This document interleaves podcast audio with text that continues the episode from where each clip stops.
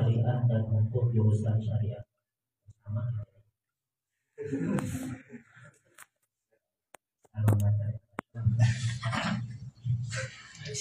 Tahun tahun 2003 juga beliau di Institut Agama Islam Al Jakarta dengan jurusan Politik Islam dengan judul tesis beliau Politik Islam antara pemikiran dan tindakan kajian analisis analitis terhadap pemikiran politik Tuan Guru Kiai Haji Muhammad Zainuddin Abdul Majid.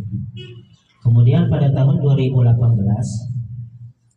di jenjang S3 Universitas Islam Indonesia Yogyakarta uh, jurusan hukum Islam yaitu dengan judul disertasi pemikiran hukum Maulana Syekh Tuan Guru Kiai Muhammad Zainuddin Abdul Majid tentang kewarisan Islam. Nah, riwayat mengajar beliau mata kuliahnya fikih ibadah, usul ulumul Quran, bahasa Arab itu program program S1. Kemudian kajian kitab kaidah peradilan, kajian kitab kaidah perkawinan dan waris uh, di program S1 juga dan di program S2 beliau uh, mengampu mata kuliah studi Al-Qur'an dan hadis hukum Islam, manajemen pondok pesantren dan masjid dan kemudian studi Quran dan hadis. Nah di antara Masya Allah karya dan penelitian beliau yang kita tunggu-tunggu bagaimana kata beliau yaitu uh, berjudul Harta Tak Bertuan. Masya Allah. Teori pemindahan hak waris dari orang yang meninggal menurut hukum Islam dan itu yang akan kita kaji untuk saat ini. Sedikit pengenalan, saya tidak um, berpanjang kalam, tapi mengingat kembali pelajaran yang mewaris ya. Kebetulan uh, di tahun ketiga syariah yaitu ahwal syaksiahnya itu berkaitan dengan kematian ternyata yaitu hukum waris. Setiap sobah pasti tufia tufia tufia. Jadi dia mengingatkan kepada kematian. Nah sekarang ini mengingatkan juga kepada kematian. Karena yang dibahas adalah meninggalnya kan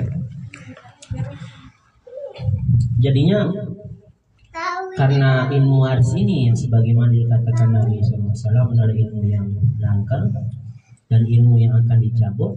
Dan dan Rasulullah mengatakan penahu nisful ilmi wa wa yunsa wa awal yunza min ummati.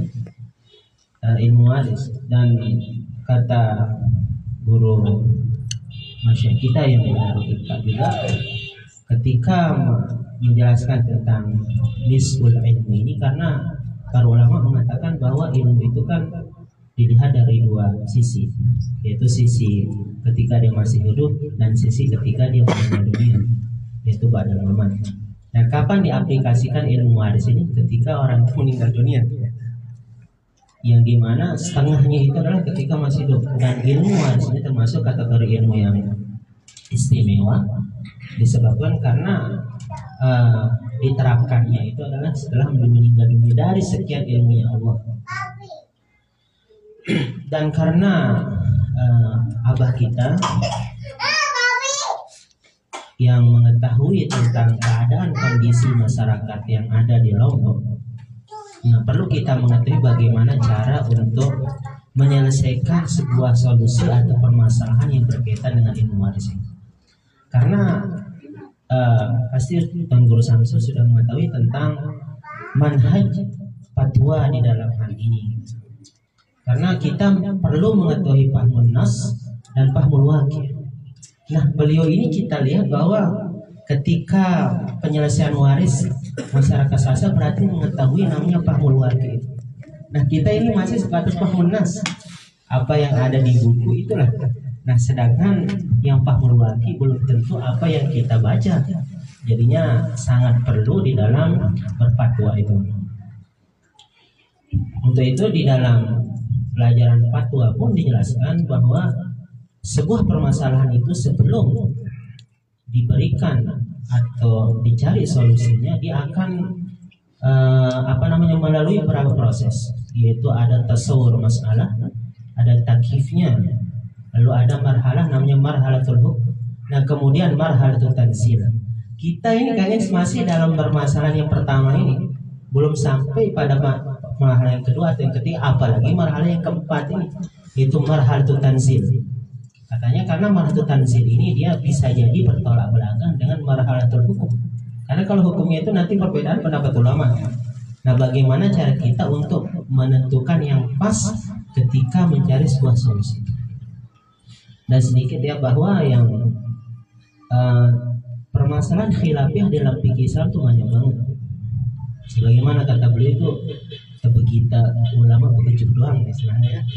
Ya fikih no berdebat berdebat semua itu. Tapi kalau permasalahan mawaris sedikit khilafiyah. Hanya hanya berapa permasalahan tidak sama dengan permasalahan-permasalahan lain.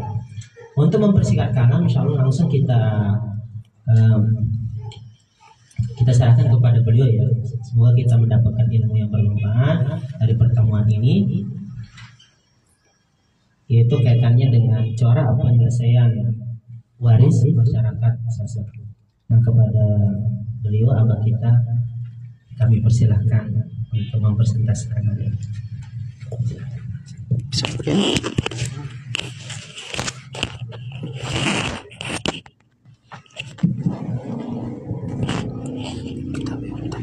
بسم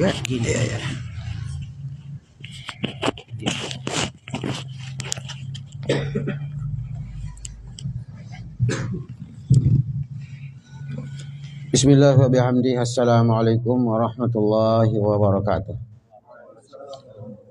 الحمد لله رب العالمين والصلاة والسلام على أشرف الأنبياء والمرسلين سيدنا محمد وعلى آله وصحبه أجمعين.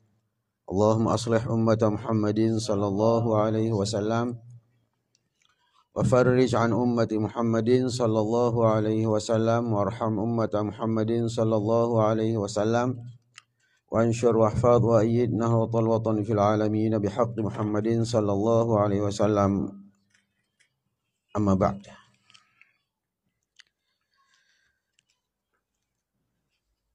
Puji syukur kehadirat Allah Subhanahu wa taala. Bahwa dengan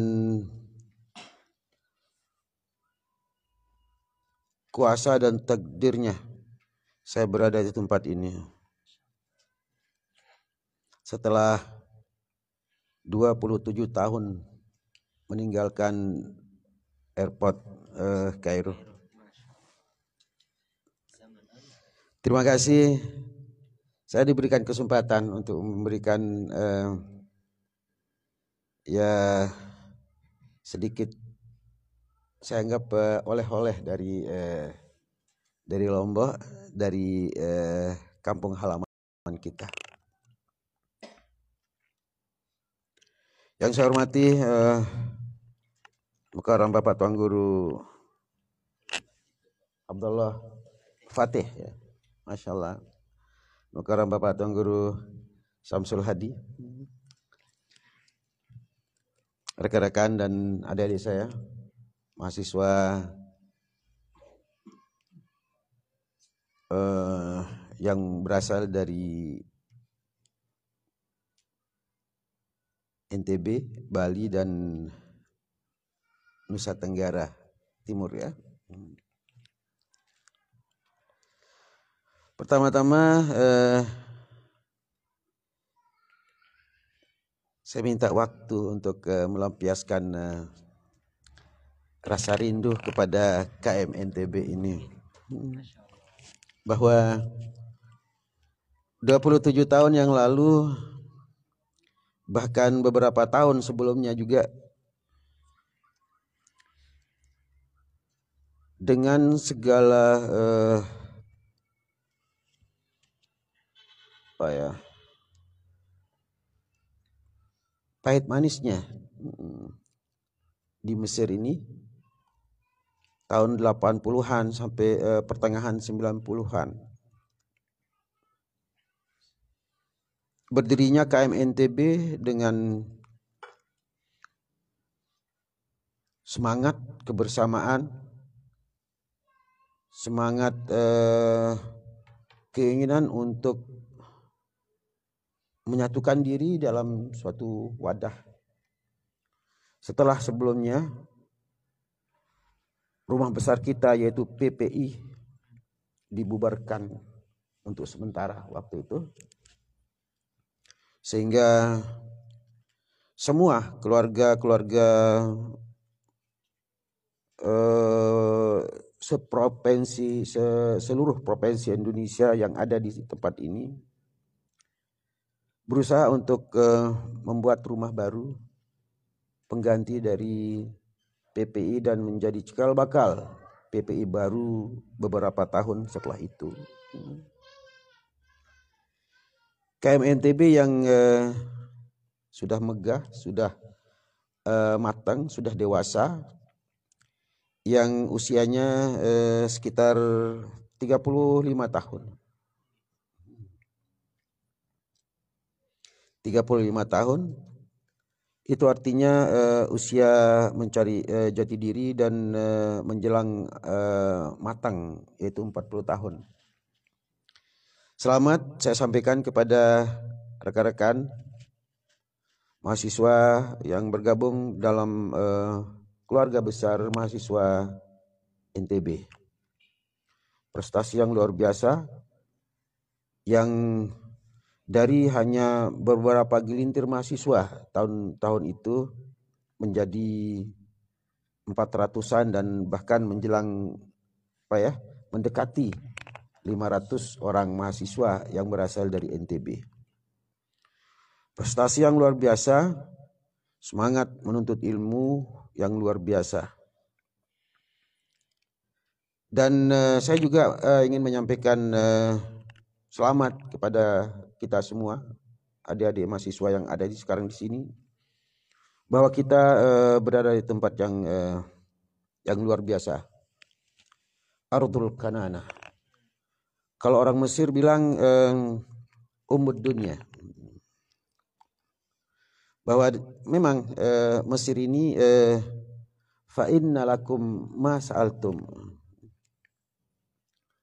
sehingga dengan bangga orang Mesir uh, mengatakan bahwa negeri ini adalah induk atau pusat uh, peradaban manusia umud dunia Saya terharu uh, diberikan kesempatan lagi oleh Yang Maha Kuasa ke tempat ini.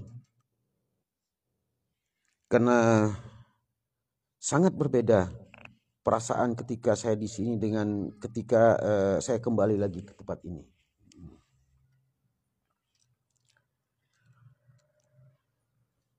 Pada kesempatan ini ada uh, sedikit oleh-oleh ya. ya. Bukan uh, seminar dalam arti uh, seriusnya ya. Memang sudah uh, saya siapkan uh, PowerPoint beberapa slide. Saya mulai dari uh, slide yang pertama. Judul dan foto. Ternyata uh, sekalipun saya uh, pakai jubah uh, dan sorban gagah juga ya.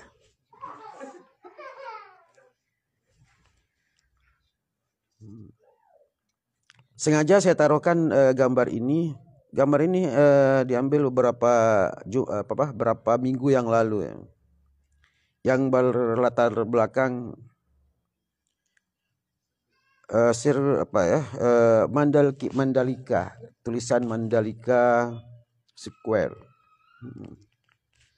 Seperti yang kita ketahui bahwa Lombok Tengah dengan uh, Mandalikanya, bahkan NTB dengan uh, Mandalikanya, Indonesia dengan sirkuit uh, barunya berada di belakang saya untuk mengingatkan kita semua bahwa masyarakat kita, masyarakat uh, kita semua di NTB itu menunggu kita, menunggu kalian. Silakan uh, bekali diri untuk uh, membantu uh, kami membantu senior-seniornya untuk melanjutkan pesan Nabi, pesan Allah Subhanahu wa taala untuk kita sampaikan kepada umat.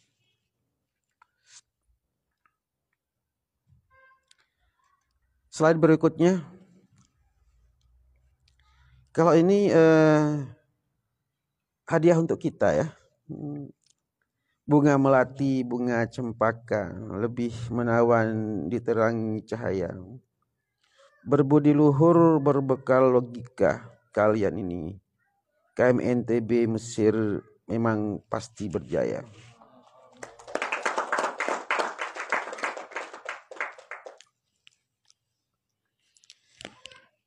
Silakan slide berikutnya. Uh, insya Allah uh, kita akan uh, bicara tentang uh, kewarisan,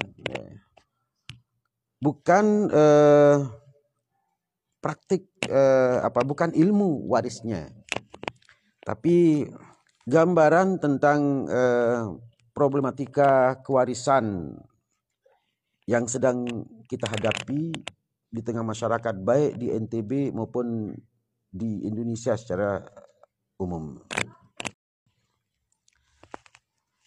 Sebelum uh, saya uh, lanjut ke pembahasan ke tentang kewarisan dan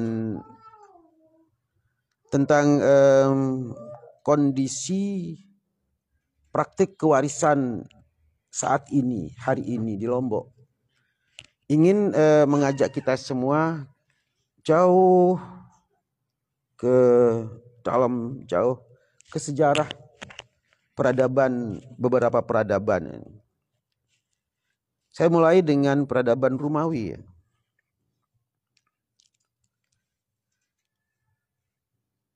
Sekalipun tidak uh, langsung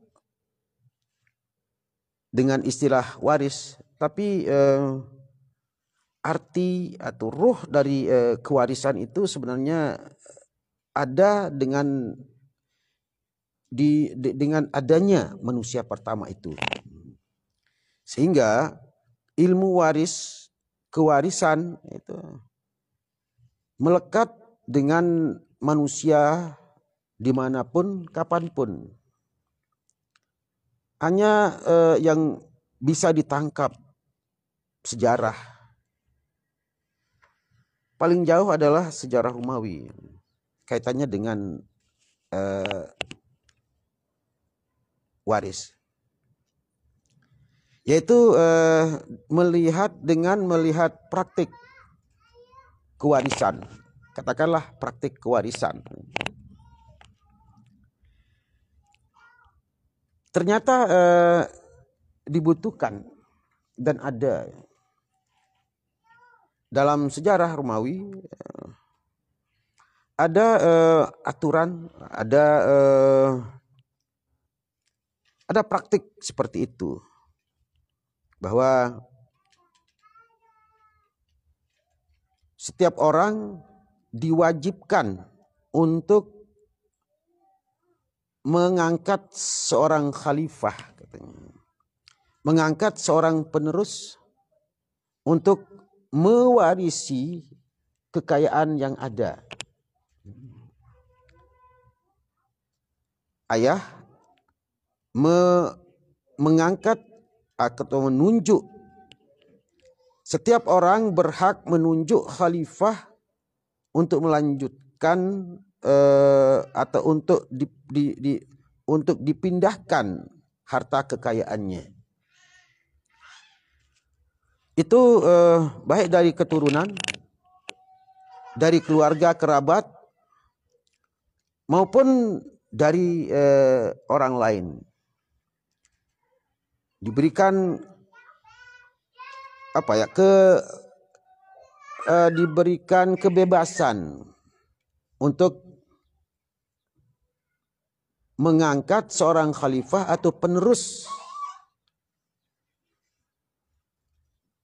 Hanya eh, di samping ada kebebasan, luasaan seperti itu,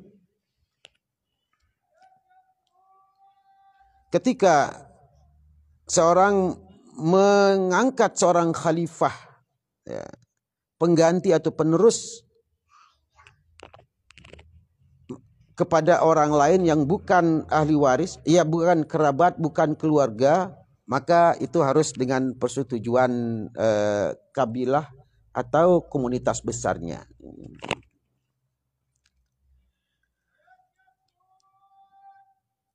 Berarti eh, bentuk kewarisan atau pembagian waris itu ada sejak zaman Romawi. Setelah itu di zaman eh, Yahudi ternyata bentuk pembagian waris atau pemindahan kepemilikan itu atau yang kita kenal sebagai waris eh, itu ada. Apalagi di Yahudi terkenal ter, orang ya orang Yahudi itu terkenal haus harta kekayaan. Yahudi itu paling eh, kalau bahasa kasarnya paling rakus.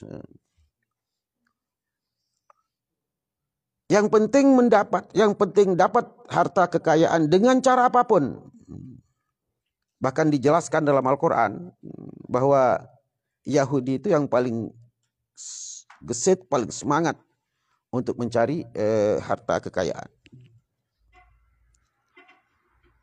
Nah, pola pembagian eh, waris di eh, orang-orang Yahudi itu diberikan kepada eh,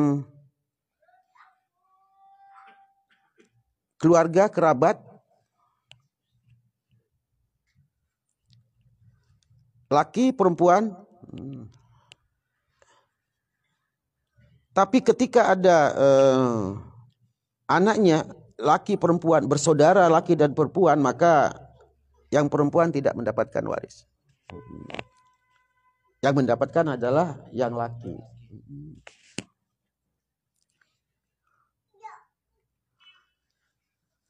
Kemudian yang uh, ketiga, kalau uh, Kristen atau Masihi di uh, kitab suci mereka itu tidak uh, terlalu banyak bicara masalah uh, katakanlah ekonomi, telah harta benda tentang hukum uh, hukum yang mengatur pola hidup.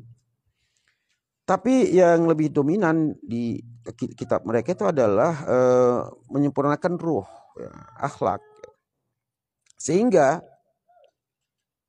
Orang-orang uh, gereja uh, kewalahan untuk meng, me, mengatur masalah perekonomian, masalah pe, apa, pe, pe, pengalihan harta kekayaan itu sehingga mereka itu mengambil mengadopsi ya, mengadopsi pola pembagian yang ada di Romawi dan di Yahudi. Yang terakhir pra uh, Islam di zaman jahiliyah uh, terutama yang dekat sekali itu uh, ketika uh, Quraisy berkuasa di di sekitar situ. Hmm. Ini aneh sekali ya. Ketika orang uh, meninggal maka yang berhak mendapat uh, warisan hanya laki-laki dewasa yang sudah eh, bisa berperang. Kasihan perempuan. Anak kecil. Sekalipun laki anak kecil tidak dapat.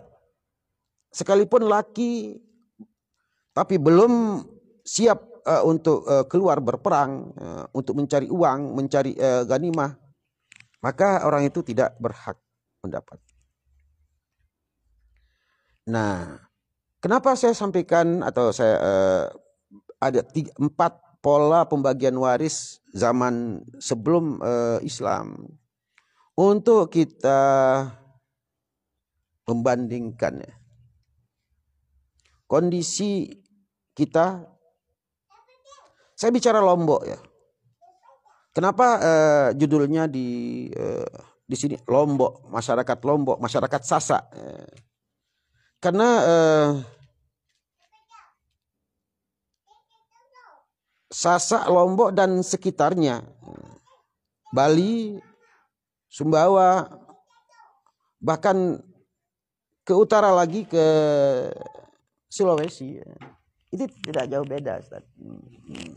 Sehingga eh, saya mengambil sampel Lombok. Aneh sekali ketika eh, kita berada di, uh, di bawah, kemudian melihat kondisi, ya inilah yang yang mau sampaikan, mau ceritakan. Uh, bukan untuk memberikan solusi, tapi saya sampaikan pada kesempatan ini untuk sama-sama kita uh, carikan uh, solusi dan pasti kesempatan adik-adik yang masih di sini itu uh, lebih banyak untuk menggali untuk mencarikan solusi tentang keadaan dan kondisi kita uh, di bawah. Kalau kewarisan ya, coba slide yang berikutnya.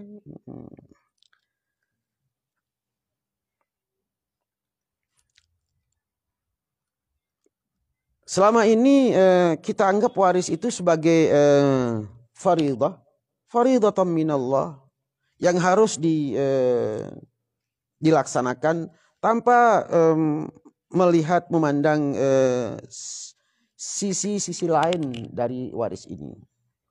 Dan itulah eh, yang terjadi ketika eh, para ulama eh, dari dulu sampai sekarang mengarang dan menulis kitab-kitab faraid hanya sekedar tentang pembagian waris. Padahal yang lebih penting dari itu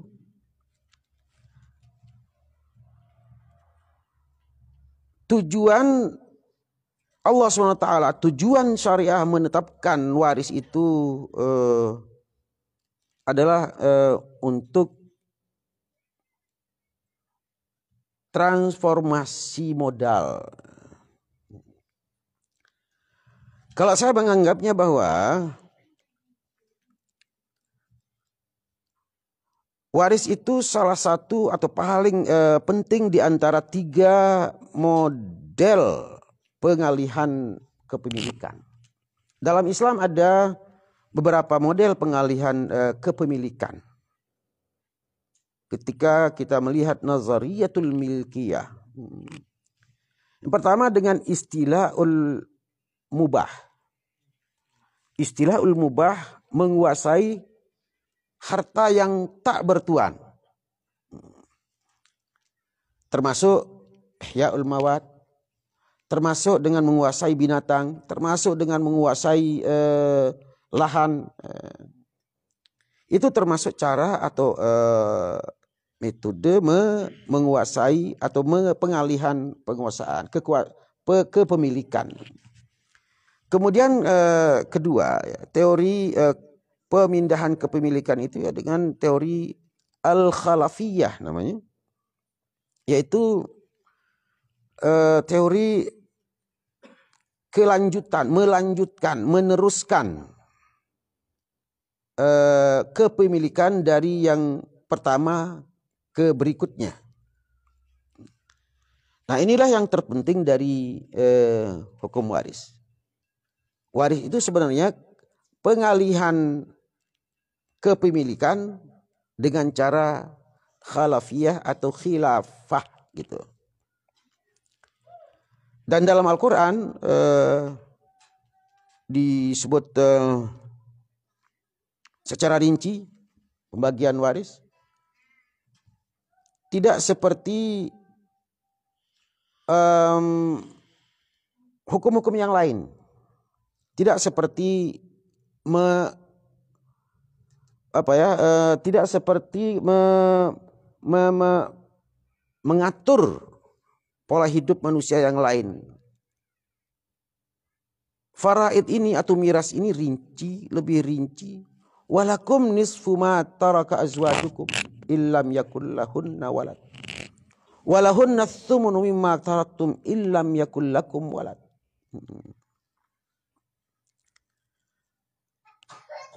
Lidzakari mitlu hadzil unsayain dan seterusnya. Sehingga oleh para ulama faraid ini merupakan uh, hukumnya ijbariyah. Artinya tidak ada kompromi. Tidak ada uh, apa ya peluang untuk berinovasi, berkreasi.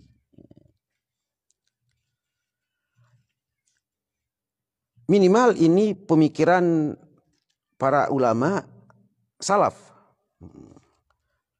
bahwa melihat teks-teks Al-Quran dan hadis maka para ulama interpretasi tentang ayat dan hadis itu ya membuat mereka itu agak kaku agak kaku padahal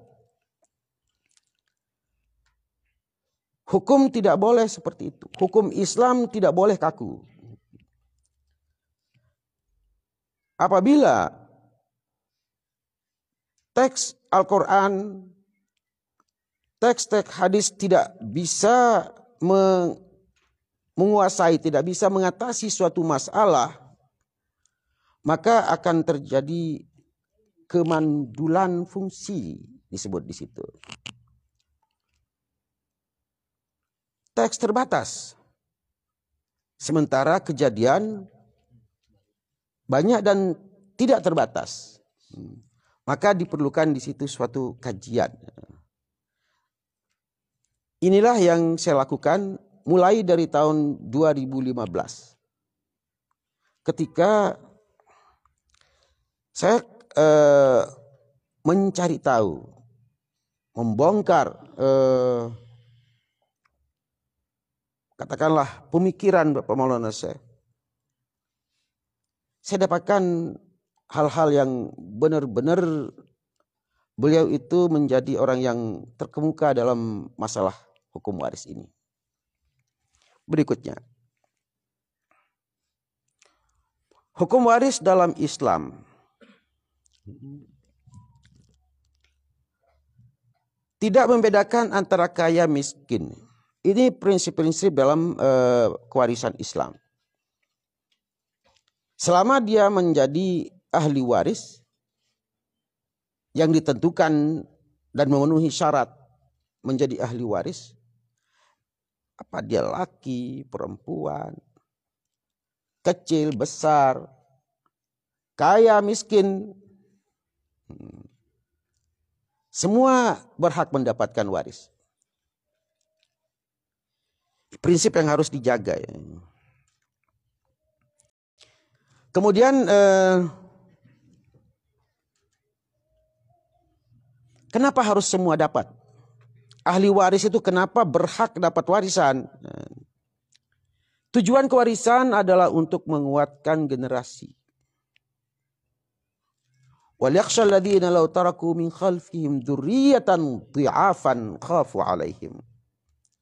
Ini ancaman peringatan keras kepada orang tua untuk mempersiapkan generasi baru, generasi setelah dia itu kuat ekonomi.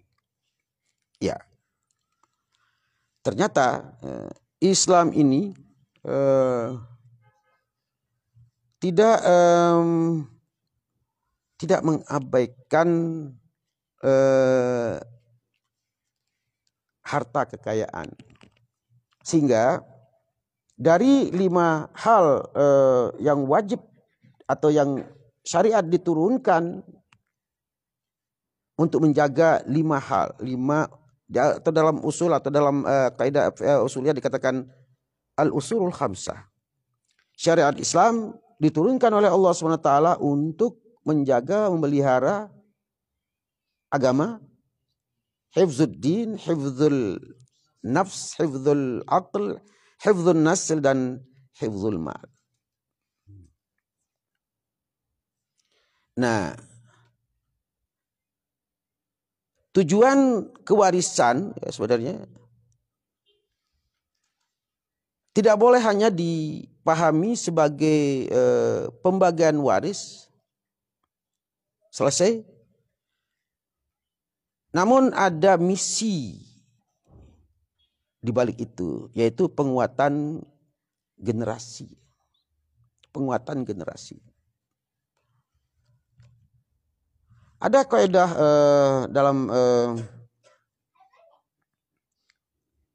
ekonomi syariah bahwa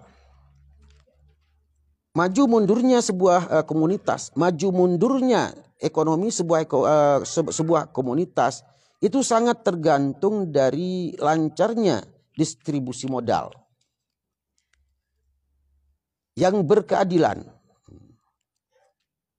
Nah, dengan adanya hukum waris maka distribusi modal terjamin. Yang tadinya satu orang yang memiliki misalnya dengan adanya pembagian waris maka modal yang di tangan satu orang itu sudah terbagi ke beberapa orang.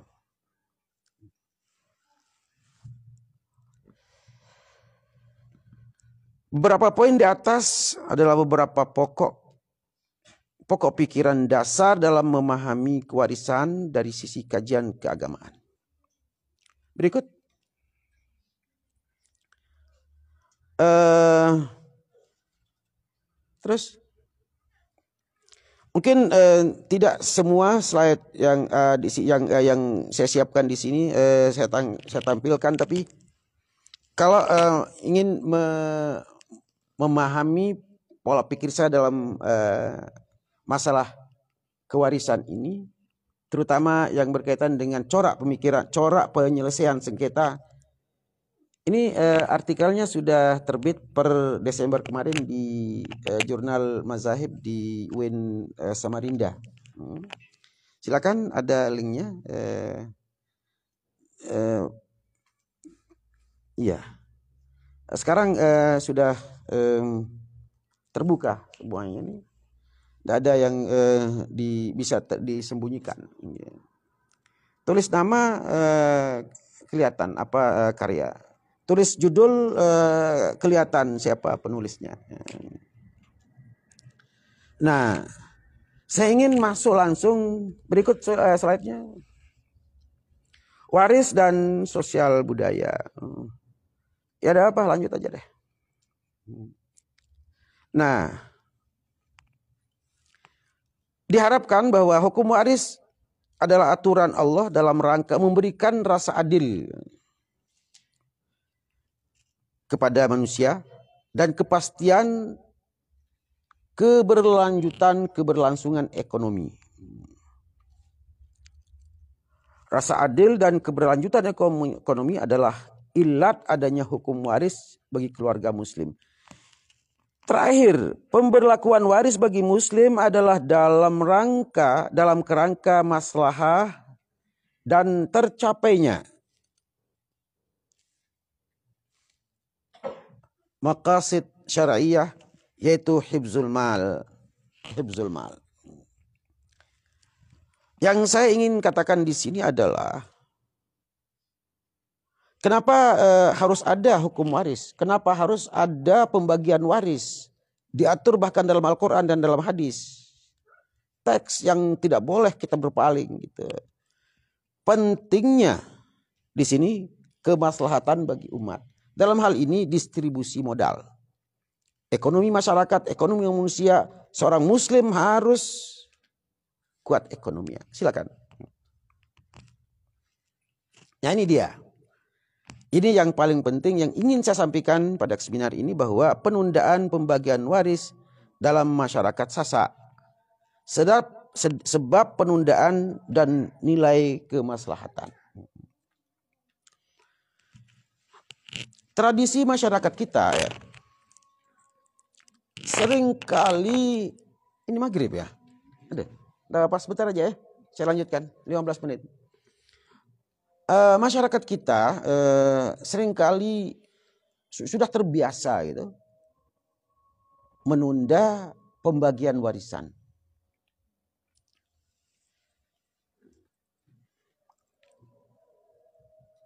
Jarang sekali, bahkan eh, 20-an tahun saya di Lombok ya. Sampai sekarang ini Mungkin dua atau tiga orang yang saya selesaikan masalahnya, yang langsung itu Pak. Berarti kalau 27 tahun ya mengabdi bersama masyarakat hanya tiga atau empat, katakanlah sepuluh lah. Berarti satu atau dua eh, kasus yang saya selesaikan dalam Uh, oh enggak lah. Satu kasus dalam uh, 8, 8 tahun. Sementara yang meninggal ya, dalam 8 tahun itu bukan ratusan. Ke mana mereka itu? Ya, ini problem yang uh, yang benar-benar uh, sudah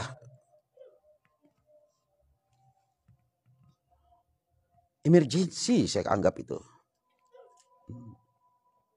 Karena ada kaitannya dengan harta tak bertuan.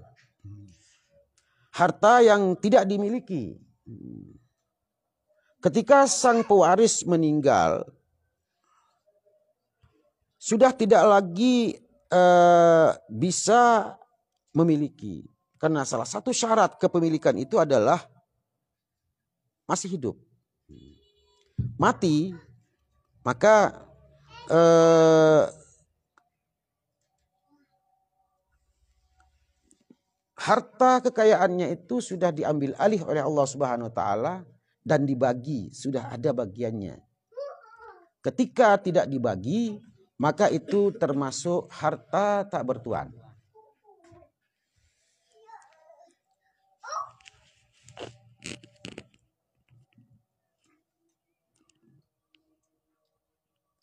Bayangkan ya, kalau eh, yang dimakan ternyata bukan miliknya. Kalau yang digunakan untuk beli beras, beli untuk hidup, ternyata bukan uangnya. Itu artinya apa ya? Ternyata yang eh, dia gunakan untuk eh, ibadah belum menjadi miliknya. Hukumnya apa? Jangan-jangan kita kembali ke hadis man nabata lahmuhu min narin fannaru aula bihi. Barang siapa yang tidak bersih darah dagingnya tumbuh dengan eh, hal-hal uh, yang tidak benar, tidak jelas atau yang haram, maka dia akan lebih cenderung melakukan hal-hal yang menjerumuskan dia ke neraka. Kembali ke slide yang pertama itu ya. Penundaan pembagian warisan dalam masyarakat Sasa.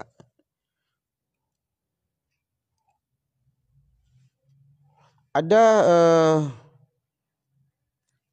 ketika saya me, me, me, menulis atau membuat uh, artikel atau makalah ini ya, saya uh, buat beberapa sampel di Lombok Timur, Lombok Tengah, Lombok Timur bagian utara selatan, Lombok Tengah utara selatan, dan KLU. Ternyata eh, miris sekali dan menyedihkan. Ada yang meninggal tahun 74, Pak. 74 meninggal. Um, Meninggalkan anak enam orang. Meninggalkan anak enam orang. Punya eh, tanah yang bernilai itu eh, 60 ari. Berjalan waktu.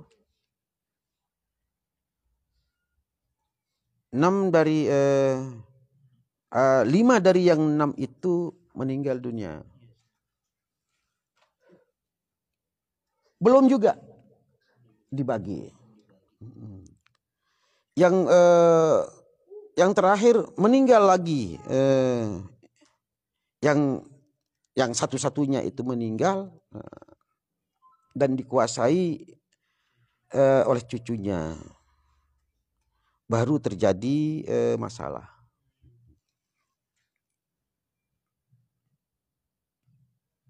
Satu lagi di Lombok Tengah di Kopang itu.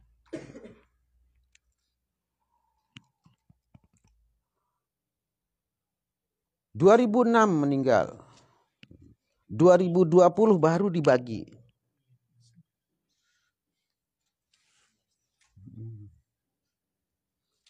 Lalu eh, harta atau warisan itu ditangani oleh siapa? Hukumnya apa? Pertama tadi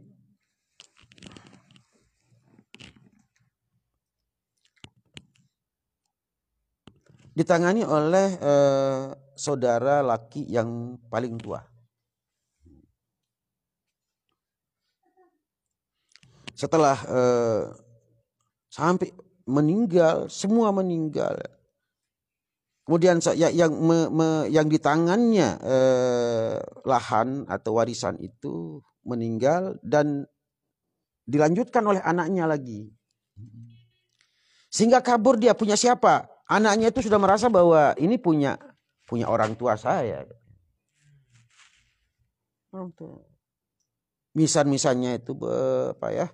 Eh, minta atau uh, tidak ini punya orang tua saya katanya. Hak itu sudah kabur. Ini dari segi ke apa ya penundaan. Belum lagi dari segi cara uh, pembagiannya. Aneh sekali. Saya lakukan penelitian di bagian selatan Lombok Tengah Kasihan itu. Kekayaan orang tuanya ya. Harta benda sa sapi, kerbau, lahan uh, sawah, rumah untuk anak laki-laki. Sementara anak perempuan cangkir menebeng. Kemek menebeng. Perabot rumah tangga. Miris sekali.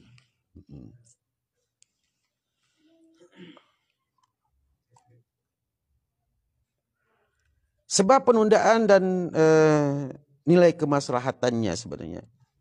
Sebab penundaannya ada e, yang terjadi di Lombok. Pertama e, tradisi adat.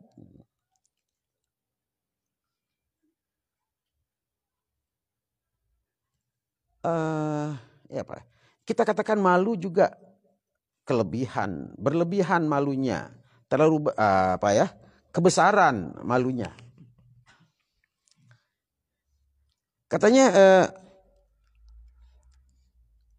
tidak tega, tidak, eh, tidak eh, malu ya, malu, eh, khawatir, takut eh, ketika membuka atau membicarakan masalah harta warisan. Hmm. Biarkan saja ya sudah. Lewat setahun, 10 tahun, 20 tahun. Bahkan ada yang saya tahu itu di Lombok Tengah di Peraya, bagian di pinggir-pinggir Peraya itu sudah tujuh keturunan, Pak. Tujuh keturunan. Masa di, masih dikuasai lahan yang begitu luasnya. Ratusan hektar. Ini salah siapa sebenarnya? Berikutnya. Faktor budaya ya, pertama. Kemudian ada kalanya eh, eh, apa ya? Orang tua masih ada. Meninggal orang tuanya, ya, meninggal orang ibu misalnya atau bapak, eh, atau katakanlah meninggal eh, ibu, bapak eh, masih ada. Ya, biasanya itu penyebab utamanya. Anda enak, eh, bapak biarkan aja eh, sampai eh, meninggal orang tua, eh, bahkan ada yang meninggal eh, ahli waris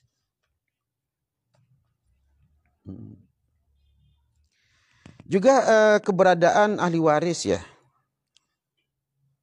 Itu yang membuat tradisi eh, masyarakat Sasa itu menunda. Apa pun eh, apa orangnya eh, apa, di Kalimantan, Sulawesi sudah eh, menghilang eh, 10 tahun yang lalu, 20 tahun yang lalu sehingga uh, waris itu tidak uh, dibagi. Lanjut. Nah ini dia.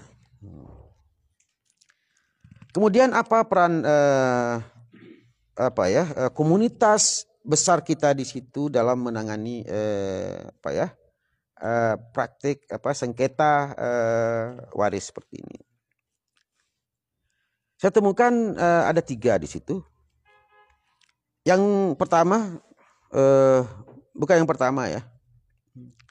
Ada tiga tipe masyarakat kita. Ada yang uh, merasa bisa modern, ya, ya mereka mengadu ke pengadilan, selesai dah. Itu kalau selesai juga. Tapi untuk sampai ke pengadilan itu uh, butuh uh, apa ya? Uh, proses lagi. Saya lihat ada dua yang berperan sangat berperan di situ adalah tokoh agama, tokoh masyarakat. Tokoh adat. Tokoh masyarakat, tokoh agama dan tokoh adat. Sehingga uh, ketika ada uh, ada ada sengketa kewarisan di bawah, maka eh, tokoh adat yang eh, bertindak menyelesaikan, sekalipun sering sekali bahkan tidak sesuai dengan hukum agama. Itu masalahnya. Itu masalah lagi. Sehingga saya tertarik untuk meneliti pemikiran Bapak Maulana Syekh dalam menyelesaikan praktik uh, waris di tengah masyarakat.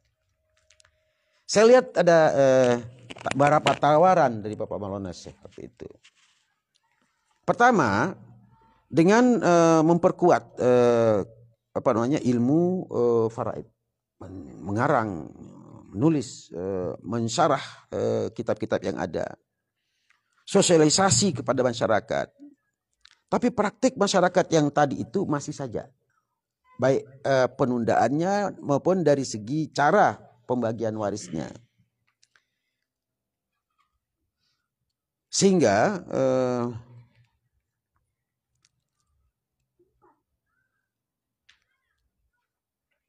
luar biasa ini. Untuk menghindari penundaan, untuk menghindari eh, pembagian yang tidak sesuai dengan ajaran agama, tidak sesuai dengan tujuan disyariatkannya eh, hukum waris, maka beliau membolehkan, menganjurkan bahkan untuk bagi waris sebelum meninggal. Sebelum meninggal, itu beliau lakukan.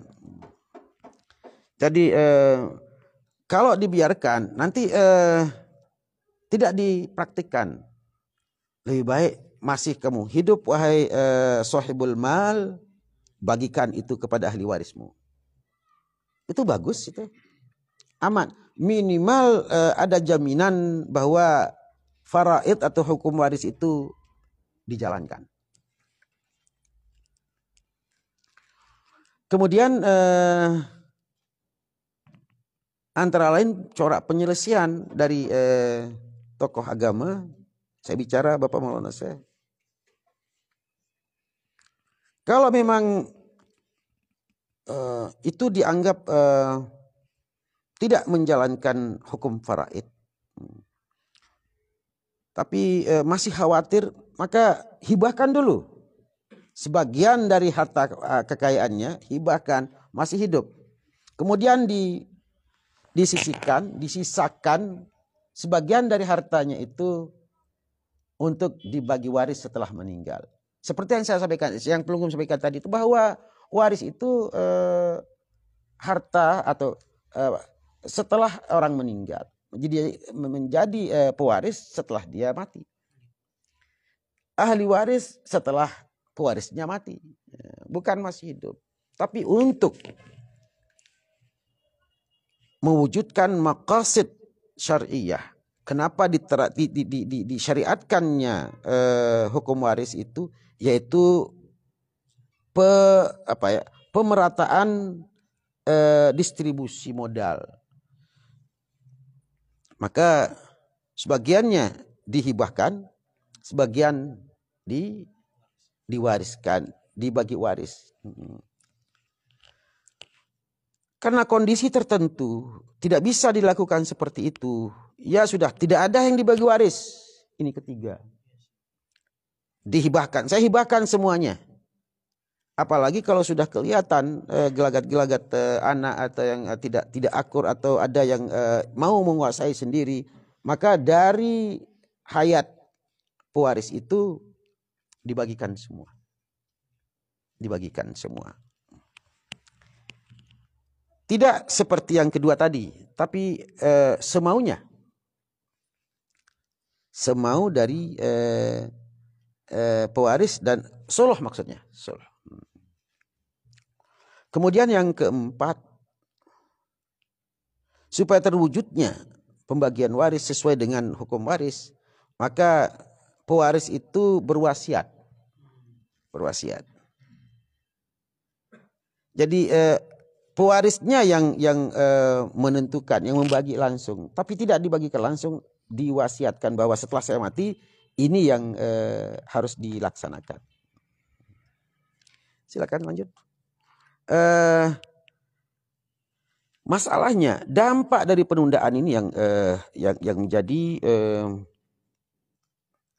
apa ya uh, menjadi titik uh, paling uh, penting dalam penelitian ini penelitian ini yaitu konflik keluarga.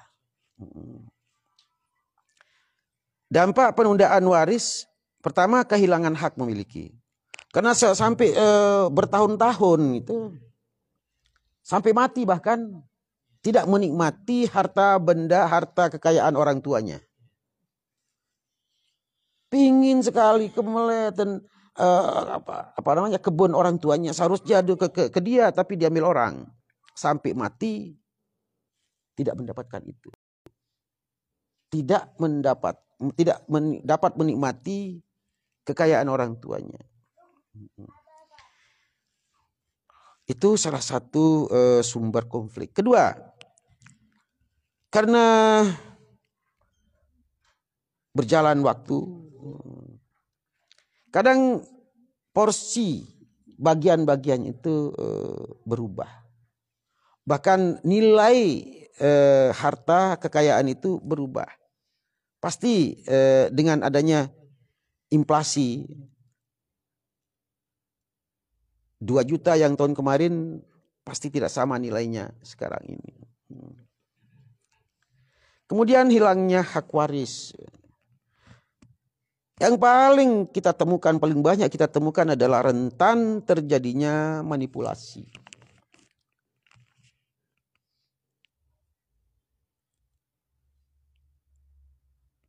Kita bilang e, menipu, mungkin ya menipu lah. Sering sekali e, harta warisan itu disembunyikan tidak diinformasikan ke pewaris yang lain. Yang paling dewa, yang paling tua dari yang menguasai tanah itu bisa saja dari 10 hektar diinformasikan hanya 2 hektar, 5 hektar. Manipulasi. Sehingga ahli waris yang lain, loh, sudah saya lihat ibu itu pakai kalung ini, ke mana dia? Sudah saya tahu bahwa kendaraan ini punya bapak, mana dia? Iya. Itulah yang eh, empat tadi itu titik eh, apa ya eh, titik awal dari eh, konflik keluarga. Ketika ada konflik keluarga, ketika keluarga eh, lemah ekonominya, maka akan berdampak kepada kesejahteraan sosial secara keseluruhan. Karena kesejahteraan sosial secara umum berawal dari kesejahteraan individu, keluarga, dan masyarakat banyak. Mungkin eh, ini yang dapat eh, kami sampaikan sebagai apa ya gambaran tentang masyarakat kita di Lombok.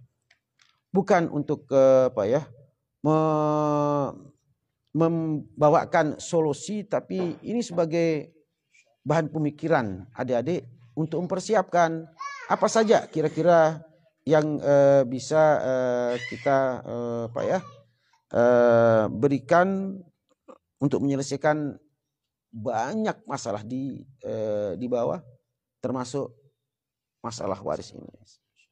Terima kasih. Assalamualaikum warahmatullahi wabarakatuh.